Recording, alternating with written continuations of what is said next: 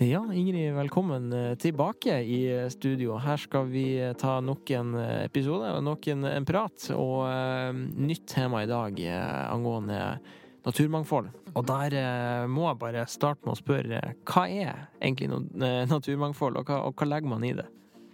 Naturmangfoldet, det er den ja, variasjonen vi har i naturtyper i landet vårt, eller i verden, da.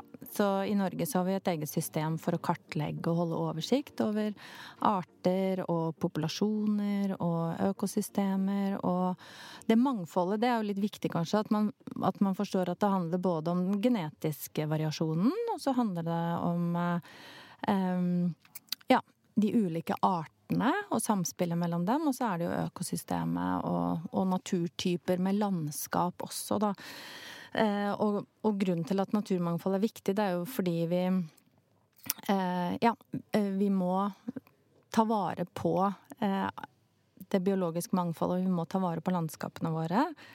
Fordi det er rett og slett livsgrunnlaget vårt, da, til syvende og sist. Mm. Så naturmangfoldet, det, om jeg forstår det riktig, det omhandler egentlig alt som som puster og, og går, og, eh, og, planter i tillegg. De puster jo ikke og går, men de er jo en del av naturmangfoldet, eh, så vidt jeg har forstått. Mm. Um, men hvordan jobber vi med bevaring av naturmangfoldet og i forhold til ny bydel spesielt, og hvordan skal vi legge til rette for det på, på Hernes? Ja, det som skjer nå, det er jo at um, det er utvikla en kommunedelplan, som dere vet, og i den så er det satt av ganske store områder eh, til grønn struktur, heter det. Og formålet der er jo også eh, naturmangfold og friluftsliv eh, med mer. Og disse områdene skal man da ikke prioritere å bygge vei eller bolig, men der skal man rett og slett prioritere å la arter og deres leveområder få kommer først i køen, da. Mm. Men blir de her eh, forbeholdt eh, dyr og planter, eller kan vi også ferdes i disse områdene? Det kan vi. Mm. Så friluftslivet kommer til å være en viktig eh, del av eh, det som skjer i et grøntområde. Men eh, så blir det jo kanskje sånn at man må tenke seg litt om hvordan man skal kombinere det å lufte en hund og det å ha eh, høy eh, suksess på hekking på vadefugl, da. Som, mm. eh, som, vi forhåpentligvis klarer å ta godt vare på.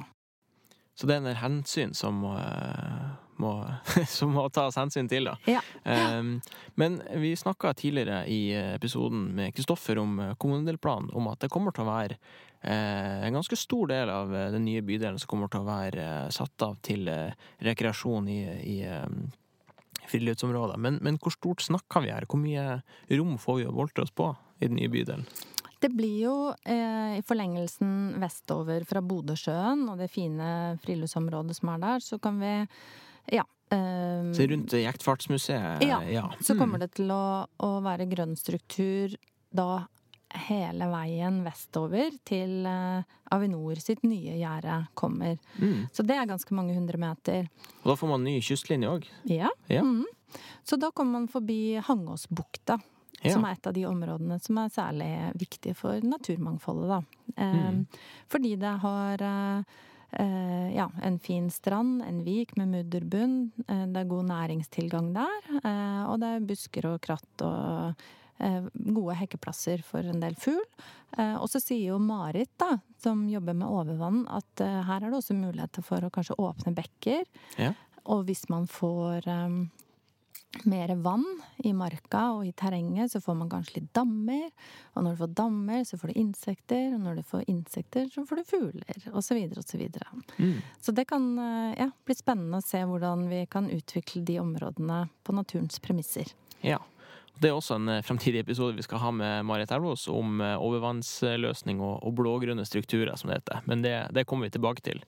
Um, I forhold til det her med allerede eksisterende bebyggelse. Det er jo en del uh, bygder som Forsvaret har i dag på dette nye um, friluftsområdet. Hvordan uh, balanserer man den, uh, det kompromisset mellom eksisterende bygg og, og, og friluftsområdet?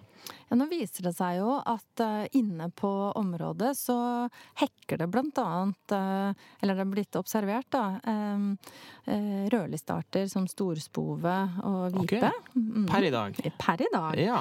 Og det er jo en del fugl som er kulturbetingede arter, da, som man kaller det. Så de, liker, de er bakkehekkende, og de liker å legge egg i gress. og um, så det er jo viktig at man eh, passer på framover, da. Eh, at man har god oversikt. Og Avinor er i gang med nå å kartlegge bestander av fugl langs hele eh, Bodøhalvøya.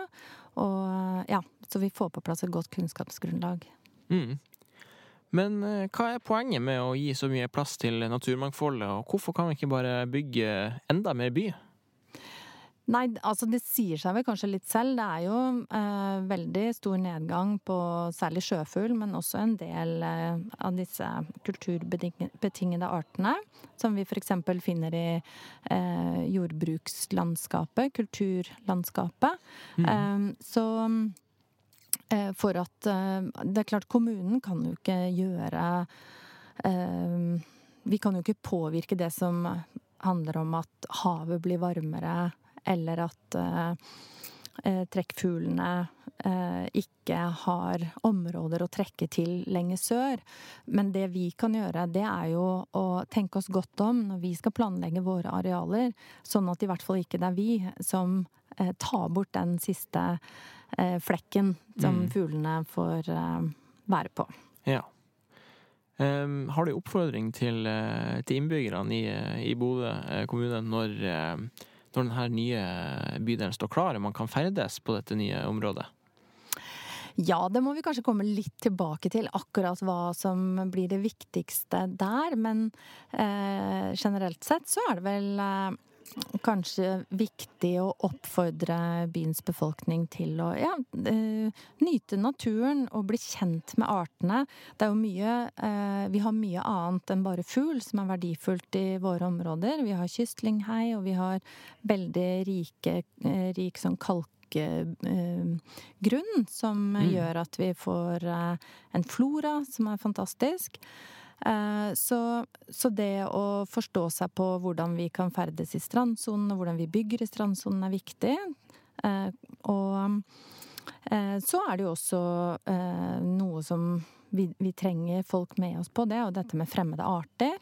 Det er ganske mye tromsøpalme også. Mm ute på Bodøhalvøya. Eh, det er én av syv arter som vi prøver å bekjempe. Mm. Da trenger vi hageeierne med oss. Da trenger vi alle grunneierne med oss for å spa dem opp og bli kvitt dem. Mm. Det snakka vi om eh, i episoden om ugress med Camilla tidligere. Mm. Ja. Og så har vi jo for eksempel mink, eh, som Den vil man bli kvitt. Predator, ja. Som, ja. som i likhet med andre fremmedarter Altså, mm, det er jo ikke noe kommunen kan um, bli kvitt alene. Nei, det opprette en egen stilling i kommunen til ja. minkutryddelse. ja. Så her er vi helt avhengig av at vi har eh, godt samarbeid med frivillig sektor og med grunneiere, sånn at de er med å fangste på minken. Mm. Eh, men det er en stor og sammensatt oppgave, så ja. Jo flere som blir med, jo bedre er det. Mm. Så man eh, burde bruke området når, når, man får muligheten til det, men selvfølgelig ta, ta visse forhåndsregler. Jeg tror vi, eh, vi avslutter der, eh, og gjerne med et eh, sitat fra min bestefar, som hadde som livsmotto at man skal leve og la leve. Eh, og med det, det så, ja, den er, den er, ikke så dum. Eh, så med det tror jeg at jeg sier eh, nok en gang tusen takk, Ingrid, for at du tok deg tida. Og så ses vi sikkert igjen i en fremtidig episode. Gjerne det. Har du et tema du vil at vi skal ta opp i podkasten? Send en e-post til nyby at bodo.kommune.no.